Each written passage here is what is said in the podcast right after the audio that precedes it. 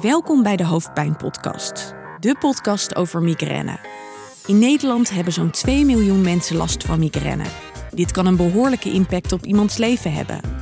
In het Leids Universitair Medisch Centrum doet de onderzoeksgroep Hoofdpijn onder leiding van hoogleraar Gisela Terwind onderzoek naar migraine.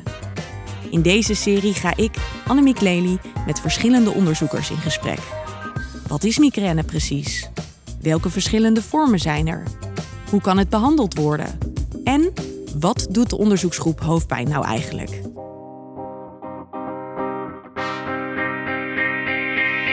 We zitten gezellig aan de keukentafel met een kopje thee, met een kopje koffie. En we gaan een nieuwe aflevering opnemen.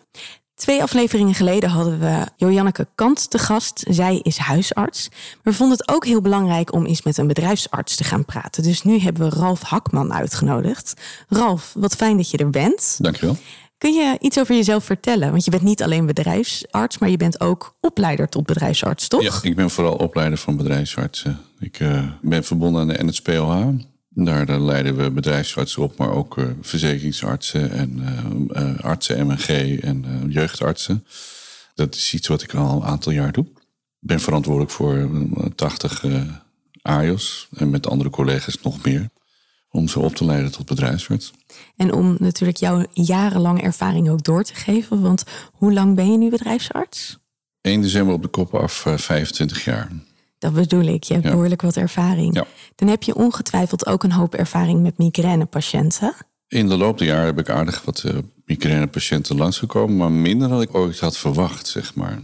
Ik hoop dat ik straks nog een beetje kan uitleggen waarom dat zo is. Uh, ja, ja, daar willen we het zeker over hebben. Gisela klikt ook meteen, want Gisela is er natuurlijk ook weer bij. Ja, hallo. En de eerste vraag die ik aan jou wil stellen, Ralf, is... op het moment dat iemand bij jou komt, dan is diegene doorverwezen, toch?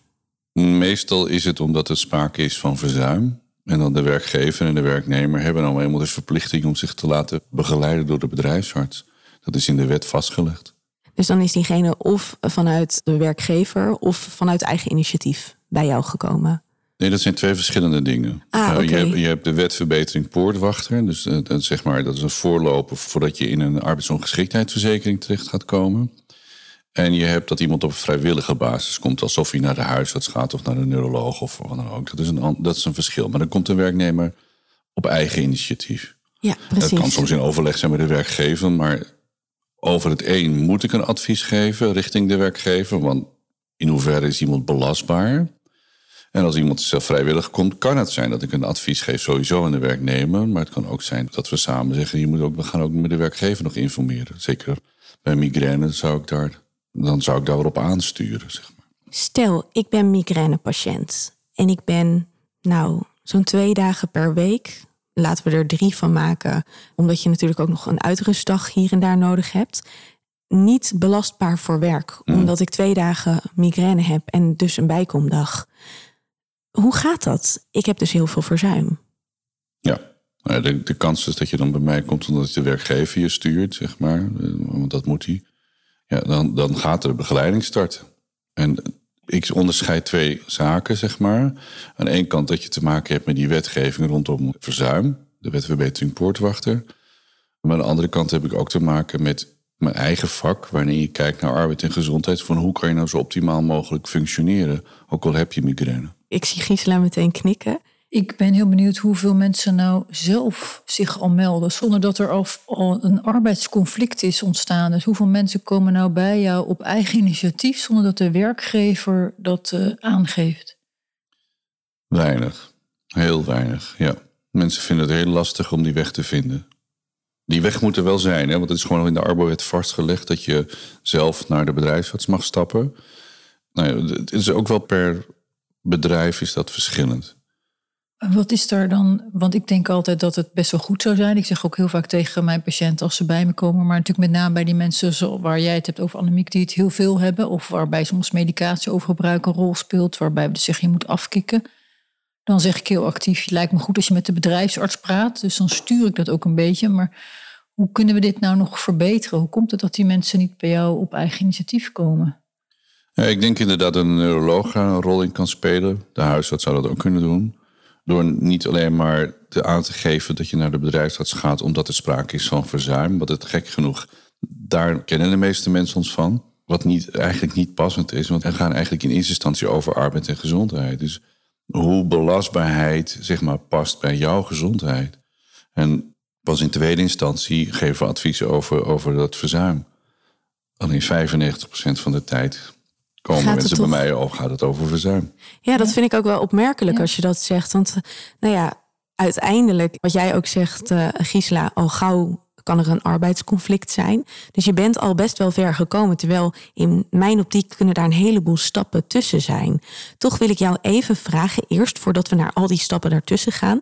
Wat doe jij op het moment dat iemand dus bij je komt en er is misschien al een arbeidsgeschil tussen werkgever en werknemer vanwege al dat verzuim? Wat kan je dan voor diegene doen? Er is niet altijd sprake van een arbeidsgeschil of Nee, een arbeidsconflict, gelukkig. Want dat maakt het nog vervelender, zeg maar. Want je wil dat werkgever en werknemer goed met elkaar in gesprek zijn. Daar probeer ik altijd op te letten. Dat ze met elkaar praten. Dus als er een conflict is, probeer ik eerst te zorgen dat het conflict opgelost wordt. En daarbij kan ik ook vaak aangeven, joh, hou er rekening mee dat iemand dus minder belastbaar is, dus minder vaak op het werk kan zijn. Ja, de werkgever mag niet weten waarom. Je hebt natuurlijk Ik heb, geheimhoudingsplicht. ik heb gewoon mijn, mijn, mijn, mijn medisch geheim. Ja, het is wel belangrijk om te zeggen, Ja. want heel veel mensen weten dat niet. Dus ik bespreek dat zelf altijd heel expliciet, omdat ik dat merkte. Dus ik merkte dat mensen niet naar de bedrijfsarts gaan, omdat ze dan bang waren dat hun baas erachter kwam. En het is dus heel belangrijk om tegen mensen te zeggen als andere dokter, zoals ik, of als huisarts, ja, je kan ook naar de bedrijfsarts gaan voordat er inderdaad een conflict is. En, ook, eh, en het hoeft ook helemaal niet te zijn dat je baas het hoeft te weten. Maar je kan dan wel even met de bedrijfsarts kijken wat die voor je kan betekenen om toch maximaal te kunnen blijven werken. En dat geeft dan toch soms wat veiligheid bij mensen. In de praktijk zie je dan dat ze uiteindelijk ook heel open kunnen zijn naar hun baas, omdat ze zich ook sterker voelen, omdat ze overlegden met de bedrijfsarts wat, wat de mogelijkheden en onmogelijkheden zijn. Dus ik denk wel heel belangrijk om aan te geven. Ik hoor hier twee dingen in. Want aan de ene kant denk ik, goh, wat fijn dat dat er is. Dus dat je inderdaad niet alles meteen hoeft te vertellen. En dat er op die manier ook voor je gezorgd kan worden als werknemer. Tegelijkertijd, als ik dan hoor dat er heel veel mensen zijn die niet durven naar de bedrijfsarts te stappen. Omdat ze bang zijn dat hun werkgever iets weet. Jeetje, wat een schaamte is er dan nog op dit onderwerp. Ja, kennelijk. Ja. Ja, want dat is, kijk, omdat, daarom zei ik al, ik zie te weinig mensen met migraine. Ik kan me ervan voorstellen dat je schaamte hebt. Ik denk dat het heel belangrijk juist is om bij de bedrijfsarts langs te komen. Alleen ik zie dat de laatste jaren heel veel op dat verzuim zit. En we kunnen zoveel meer dan alleen Ja, maar verzuimbegeleiding. Het is heel goed dat je dat eh, aangeeft. Dat het, eh, dat het juist gaat om arbeid en in de arbeidsparticipatie mee te blijven doen. En, Precies, ja, daar eh, is en het vaak- voor bedoeld. Ja, Ja. en vaak lukt dat met vrij eenvoudige middelen. En wij als neuroloog ondersteunen natuurlijk met medicijnen. Maar ik, ik zeg al tegen mensen, ik kan niet zien wat voor werk je doet. En wat het betekent voor je werk met je migraine. Dus daar zijn juist specialisten voor, zoals bedrijfsartsen. En ook met de huisarts kun je kijken naar wat het doet op je, in je omgeving, sociale omgeving, familie, gezin.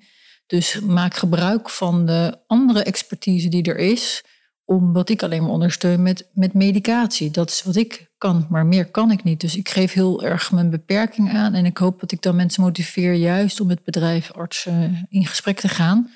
En de hoofdpijnpatiëntenvereniging die probeert het ook te bevorderen, zowel nationaal als internationaal. Dat heet dan werk en migraine. Dus er is wel meer informatie ook over te vinden voor mensen. We willen eigenlijk naar een migrainevriendelijke werkomgeving. Zijn er al een aantal stappen in? En dan kijk ik meteen naar jullie allebei. Want dat is natuurlijk ook op een bepaalde manier een samenwerking tussen verschillende beroepsgroepen die daarvoor kan zorgen. Zowel bedrijfsartsen als bijvoorbeeld Gisela vanuit haar expertise. Nou, die, die, die, samenwerking, daar, daar zit wel ruimte voor in om daar nog wat verbetering in te krijgen. Kijk, wij als bedrijfsartsen proberen juist die communicatie op te zoeken met de behandelaar. Maar ook daar zit wel schroom. Want ja, eh, wat gaat hij dan met die informatie doen? Nou ja, wat ik zeg, ik ga het niet alleen voor verzuim gebruiken. Ik ga het juist gebruiken om te zorgen dat die werkgever en die werknemer het advies kan geven. Hoe kan je nou die werkplekken goed aan, aanpassen? Ik ben geen expert op het gebied van migraine. En migraine, zoals ik dat heb begre- heb begrepen, is het in heel veel vormen. En dan kun je ook gaan kijken, wat heb je nou precies nodig? De een heeft wat rust nodig, de ander heeft wat meer pauzes nodig. Ik bedoel, als dat, dat speelt, en vaak kan de werknemer dat zelf goed aangeven, maar dan is het wel fijn als het onderbouwd wordt en ook, ook ondersteund wordt door een specialist op het gebied van migraine. Nou, Gisela, heb jij al wat tips voor Ralf hierin? Ja, ik heb zeker tips. En ik ben het eens dat wij als neuroloog eigenlijk weinig praten met bedrijfsartsen. Ik geef wel eens nascholing, maar dan vertel je meer over wat is migraine en wat voor medicamenteuze behandelingen zijn er. Maar je hebt het eigenlijk weinig over wat betekent het op de werkvloer in je dagelijkse praktijk als patiënt. Of leefstijl, waar wij nog een aflevering over gaan maken. Ja, ja, zeker. Ik denk dat bedrijfsartsen het topje van de ijsberg zien. Ik denk dat heel veel mensen migraine hebben zonder dat we het weten. Dat zie ik eh, in mijn eigen ziekenhuis en binnen mijn eigen afdeling ook. Mensen komen naar mij toe omdat ze weten dat ik migraine-specialist ben. Daarom weet ik dat heel veel mensen er last van hebben. En ik weet dat ook heel veel mensen daarmee soms strukkelen om dan toch hun werk te kunnen blijven doen. Ik denk dat wij met bedrijfsartsen in gesprek moeten zijn over wat betekent een specifiek beroep wat iemand op dat moment uitoefent. En hoe kunnen we dat eventueel aanpassen? Om een voorbeeld te noemen, als jij onregelmatige diensten hebt en je merkt dat je van die onregelmatige diensten juist heel veel aanvallen krijgt, dan kan het misschien een reden zijn om te kijken of je misschien je werkomstandigheden moet veranderen. En soms betekent dat dat je misschien ook niet je werk kan doen zoals je dat had gewild. En dan moet je een ander, ander soort type werk zoeken. Dat kan dan de conclusie misschien zijn. Maar voordat je dat soort keuzes maakt, moet je denk ik kijken, zijn er aanpassingen mogelijk? Maar het kan niet altijd, dat weet ik ook. Kijk, als jij verpleegkundige bent en je bent een jonge verpleegkundige en je moet gewoon meedraaien in de avond- en nachtdiensten, ja, dan kan je niet zeggen tegen de rest van je team, dat kan ik niet vanwege mijn migraine. Dan zou je het toch moeten doen. Ik kijk dus, er uh, altijd naar of iemand dan alleen in dagdiensten kan gaan werken, als, ja. als zeg maar ook de werkgever uh, zeg maar in het rooster dat toelaat. Ja. Want er zijn ook mensen die liever alleen maar avonddiensten draaien. Als dat uit te wisselen valt, ja. dan kun je er best wel keuzes ja. in maken. Ja. Dat is per werkgever verschillend, helaas. Ja. De ene werkgever is daar meewerkender in dan de ander. Ja, en hoe meer ik weet, zeg maar, hoe, hoe makkelijker ik ook kan adviseren. En als het gaat om aanpassing in werk, dan heb je over het algemeen wel te maken met verzuim. Dat is maar heel weinig dat iemand aanpassingen wil aan zijn werk zonder dat er sprake is van verzuim. Ja. En bij migraine natuurlijk zeker, want als je echt eraf ligt, dan kun je gewoon niet werken op dat moment. Nee, Ik, ik, denk eerlijk gezegd, als je naar migraine kijkt, dat ook niet zozeer die avond- of nachtdiensten ik zou niet willen zeggen dat je daarvan migraine krijgt. Laat het even duidelijk zijn. Want ik denk dat daar onvoldoende bewijs voor is. Hmm. Er is ook onvoldoende bewijs dat als je dan geen avond- of nachtdienst doet, dat je dan geen migraine zou hebben. Ik denk dat het grote probleem met migraine in de werkomgeving is dat het altijd onverwacht is. Dus er zijn veel mensen die bij mij komen zeggen tegen zeggen ja, mijn baas zou er prima mee om kunnen gaan als ik nou wist dat ik elke vrijdag mijn migraineaanval krijg. Dus die vraagt of ik dan niet voortaan op vrijdag mijn aanvallen kan krijgen. Ja, dat kan natuurlijk niet. Of op je vrije dag. Of op je vrije dag. Ja. Of, uh, voor je ja, dag. ja, ja. Dus het, het, ik denk het allerlastigste met, met deze aandoening is dat het zo onvoorspelbaar is. En dat is dus soms in bepaalde werkzaamheden heel onhandig. Hè. Er zijn soms functies waarbij het niet erg is dat je een dag uitvalt, want dan kan je daarna inhalen. Maar bij bepaalde vakken, zoals bijvoorbeeld als je verpleegkundige bent of arts, dan word je verwacht op een bepaalde dag, want dan heb je dienst. En als je dan op het laatste moment afbelt, dan heeft dat heel veel impact op de rest van je werk. Ja. En dan is het veel moeilijker in te passen in je werkzaamheden. Dat is ook precies waar bedrijfsartsen tegenop lopen. Dat die onvoorspelbaarheid van, van, van de klachten en, en dus daarmee de uitval. Dat het ook helemaal lastig is om daar een goed advies over te geven. Maar goed, alleen de bedrijfsarts advies geven. Het zou juist die samenwerking moeten zijn tussen huisarts en neuroloog. Of andere begeleiding die mensen krijgen. Om te kijken van hoe kun je met z'n allen zorgen dat iemand toch optimaal inzetbaar blijft. Ja, want ik zat in mijn hoofd met de vraag: loop je veel tegen onbegrip op? Ik, merk zeker dat er onbegrip is. Uh, en dat zit hem in die onvoorspelbaarheid. Uh, het zit hem ook, denk ik, maar dat is niet, dat klinkt net als blame the victim, maar het, het, is natuurlijk een lastige klacht die je hebt. En als je iedere keer niet kan zeggen wanneer dat gebeurt, maar dat gebeurt wel frequent, ja, dan, dan geeft dat ook, zeg maar, dat geeft gedoe. En gedoe geeft altijd, uh, zorgt ervoor dat er onbegrip is. Want niemand heeft er vat op. En dan, dan, ja, dan, dan zie je gewoon dat een werkgever die probeert zich in alle bochten te draaien. Een werknemer probeert het juist weg te duwen. En dat is soms misschien wel een trigger juist om weer meer migraineaanvallen te kunnen krijgen. Dus ik, ja, die relaxedheid die probeer ik terug erin te krijgen. Maar waar gaat het nou eigenlijk om? Dat, ja. dat is ontzettend belangrijk. Klinkt alsof je ook daarin best wel een coachende rol hebt. Naar beide kanten toe. Onze rol is ook coachend begeleidend en niet, niet zozeer oordelend ik heb geen oordeel te vellen, zeg maar, over hoe je het moet doen. Het gaat mij erover hoe kunnen werkgever en werknemer optimaal functioneren. En hoe kom je dichter bij elkaar weer te staan daarin? Ja, het, het moeten we natuurlijk wel recht doen. Kijk, zoals je dat voorbeeld geeft van, van een verpleegkundige die avond- en nachtdiensten moet draaien. En waardoor. Ja, ik zie wel. Ik weet dat er geen, uh, hoe noemen dat, dat er geen causaliteit is. Maar dat je wel ziet dat die frequentie hoger is daardoor. Ja, dan moet je misschien voor kiezen om ander werk te gaan doen. Nou ja, en mentale gezondheid ook. Ik bedoel, heel veel stress, dat is of dat nou direct een relatie met migraine heeft, ja of nee. Het is niet goed voor je mentale gezondheid. Dus dan komt er een probleem bij. Ik zie jou de hele tijd hevig knikken. Nou ja, wat ik, wat, ik, wat ik hier wel lastig aan vind, is wat, wat ik soms zie ook bij jonge mensen. Hè, dat ze soms kiezen om een bepaalde opleiding niet te gaan doen vanwege hun migraine. Dat vind ik zo zonde. Ik, ik, ken een, uh, ik ken een hele leuke fysiotherapeut die zei... ik wilde eigenlijk dokter worden, maar toen dacht ik... ja, met mijn migraine is dat misschien te zwaar, dus ik word fysiotherapeut. Kan een goede keus zijn, ze is een hartstikke goede fysiotherapeut... maar ik dacht, goh, je zou ook wel een hele goede dokter zijn geweest... En je hebt je leven dus heel erg laten bepalen door je migraine aanvallen. En ik, ik zou toch wel willen voor pleiten, word vooral verpleegkundige als je dat leuk vindt. Want het kan ook zijn in de loop van het leven dat je migraine weer minder wordt en dat je er helemaal geen last meer van hebt. Dus laat je beroepskeuze niet te veel door je aanvallen zelf bepalen. En ook binnen elk vak heb je weer mogelijkheden om daar, als je wel veel last hebt, bijvoorbeeld met dienst of omdat je onverwacht uitvalt, dan zijn er ook altijd nog wel zijstappen te zetten in zo'n vak, waardoor je toch nog leuk kan functioneren. En dat kunnen bedrijfsartsen denk ik ook heel goed bij adviseren over welke zijstappen je dan kan maken in je werk. Klopt dat of niet?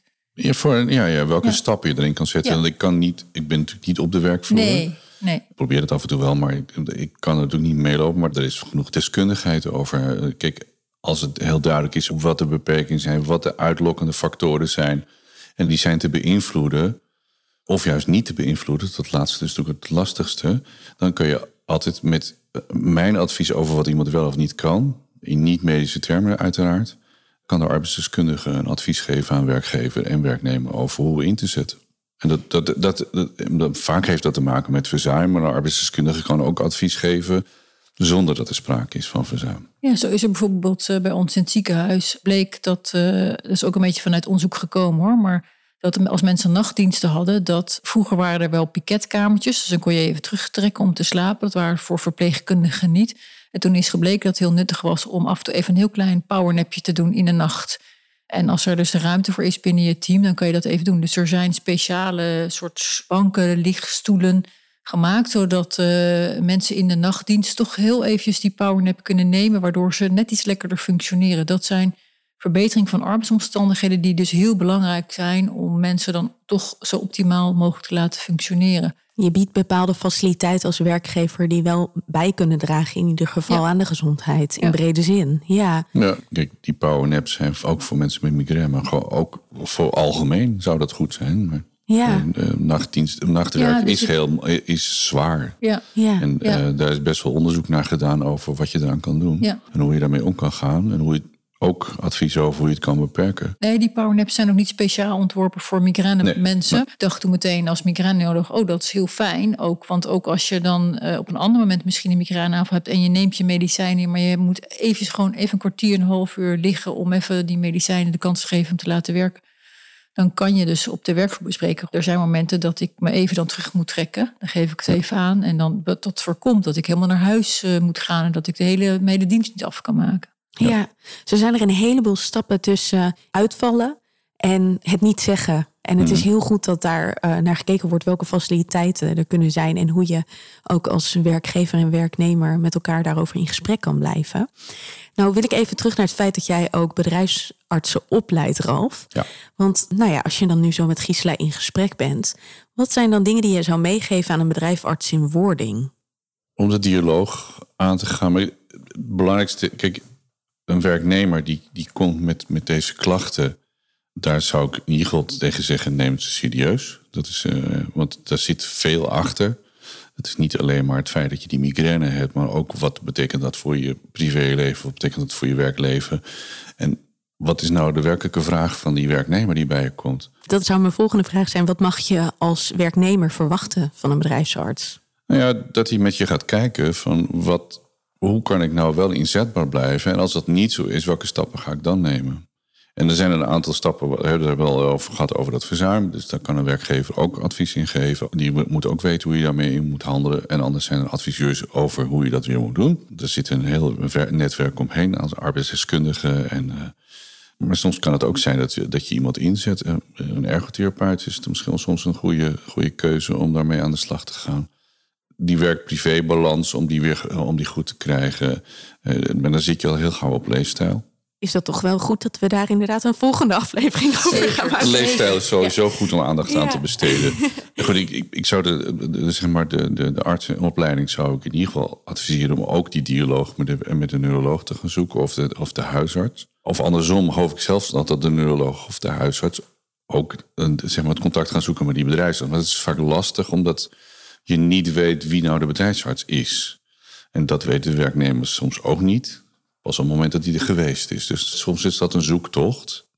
Ik zou het toch fijn vinden als die dialoog er is. Over hoe gaan we dat nou, gaan we dat nou doen? En soms kan de conclusie gewoon zijn: nee, dat wordt hem niet. En dan gaan we volgende stappen zetten. En dat is ook wat ik eh, de, de, de arts wil meegeven. Joh, ga dan ook verder kijken. Voor ons is het lastig om de bedrijfsarts te bereiken. Wij bellen wel heel regelmatig. En dan denk ik van eh, deze patiënt die, die valt strak tussen wal en schip. Of deze patiënt die heeft meer aandacht nodig dan dat wij kunnen geven. En dan kunnen we makkelijk een brief schrijven aan de huisarts met, met verzoek om bepaalde dingen op te pakken. Of we bellen ook regelmatig op naar de huisartsen. Maar ik bel eigenlijk nooit een bedrijfsarts. Ook omdat ik dat heel lastig vind. Omdat ik merk vaak dat patiënten daar heel terughoudend in zijn. Ze weten inderdaad of zelf niet. Ze zijn zelf niet bij de bedrijfsarts geweest. Of ze zijn inderdaad bang of ze voelen het stigmatiserend als het. eh, dus ik kom eigenlijk nooit achter wie de bedrijfsarts is, tenzij de bedrijfsarts mij eh, benadert. Dus misschien moet ik ook een oproep doen aan alle bedrijfsartsen. Want ik denk dat veel neurologen heel welwillend zijn om ook met bedrijfsartsen te overleggen. Voor ons is het lastig om hun te benaderen, omdat daar moeten we dan ook toestemming hebben van de patiënt. En die, die hebben we dan eigenlijk nog, nog niet, omdat de patiënt zelf ook nog niet bij de bedrijfsarts is geweest. Nou ja, wat een op- optie zou kunnen zijn, dat je de werknemer voor je patiënt Ja. dan daarin betrekt. En zegt Ja. van, joh, je zou ook iets mee kunnen geven aan de werknemer. Van, joh, ehm, eh, met het verzoek die, die, die jullie aan te gaan. Ja, dat doe ik ook wel hoor. En ik denk dat eh, dat is dan een van de voordelen die we nu hebben met de digitalisering van onze gezondheidszorg. Veel eh, ziekenhuizen hebben eh, een eh, patiëntenportaal. Daar komt dan ook de basale informatie in over het gesprek wat we gehad hebben. En ik zeg heel vaak tegen mensen, nou, je kan dat zelf opzoeken. Kan je meenemen naar je bedrijfsarts. Mooi, Als ja. mensen minder digitaal begaafd zijn, dan zeg ik, ik kan de brief naar je thuis sturen. Die kan je zelf meenemen naar de bedrijfsarts. Dan, dan hebben ze het ook echt zelf in de hand. Hè? Dan is het niet dat ik over hun hoofd heen dan een brief sturen naar de bedrijfsarts. Maar ga zelf met de gegevens die ik nu heb naar de bedrijfsarts toe. Dan heb je zelf het initiatief.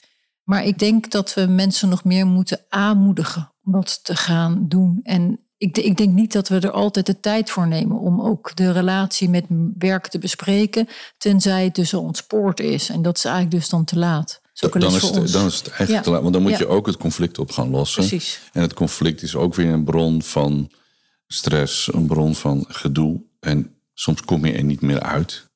Want ja, jij hebt migraine, ja, dat wordt er niet zo gezegd, maar je bent frequent verzuimen, dan, dan kunnen we niet meer aan de, ah, mee, mee verder.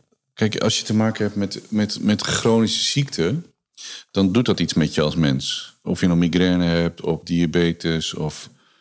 Maar je moet er wel mee dealen. En ik zie dat als eh, een vorm van verlies. Verlies van capaciteit. Als arts heb je daar dagelijks mee te maken. Maar als patiënt heb je er maar één keer in je leven mee te maken. Namelijk het feit dat het chronisch wordt. En daar zouden we veel meer aandacht aan moeten besteden, zeg maar.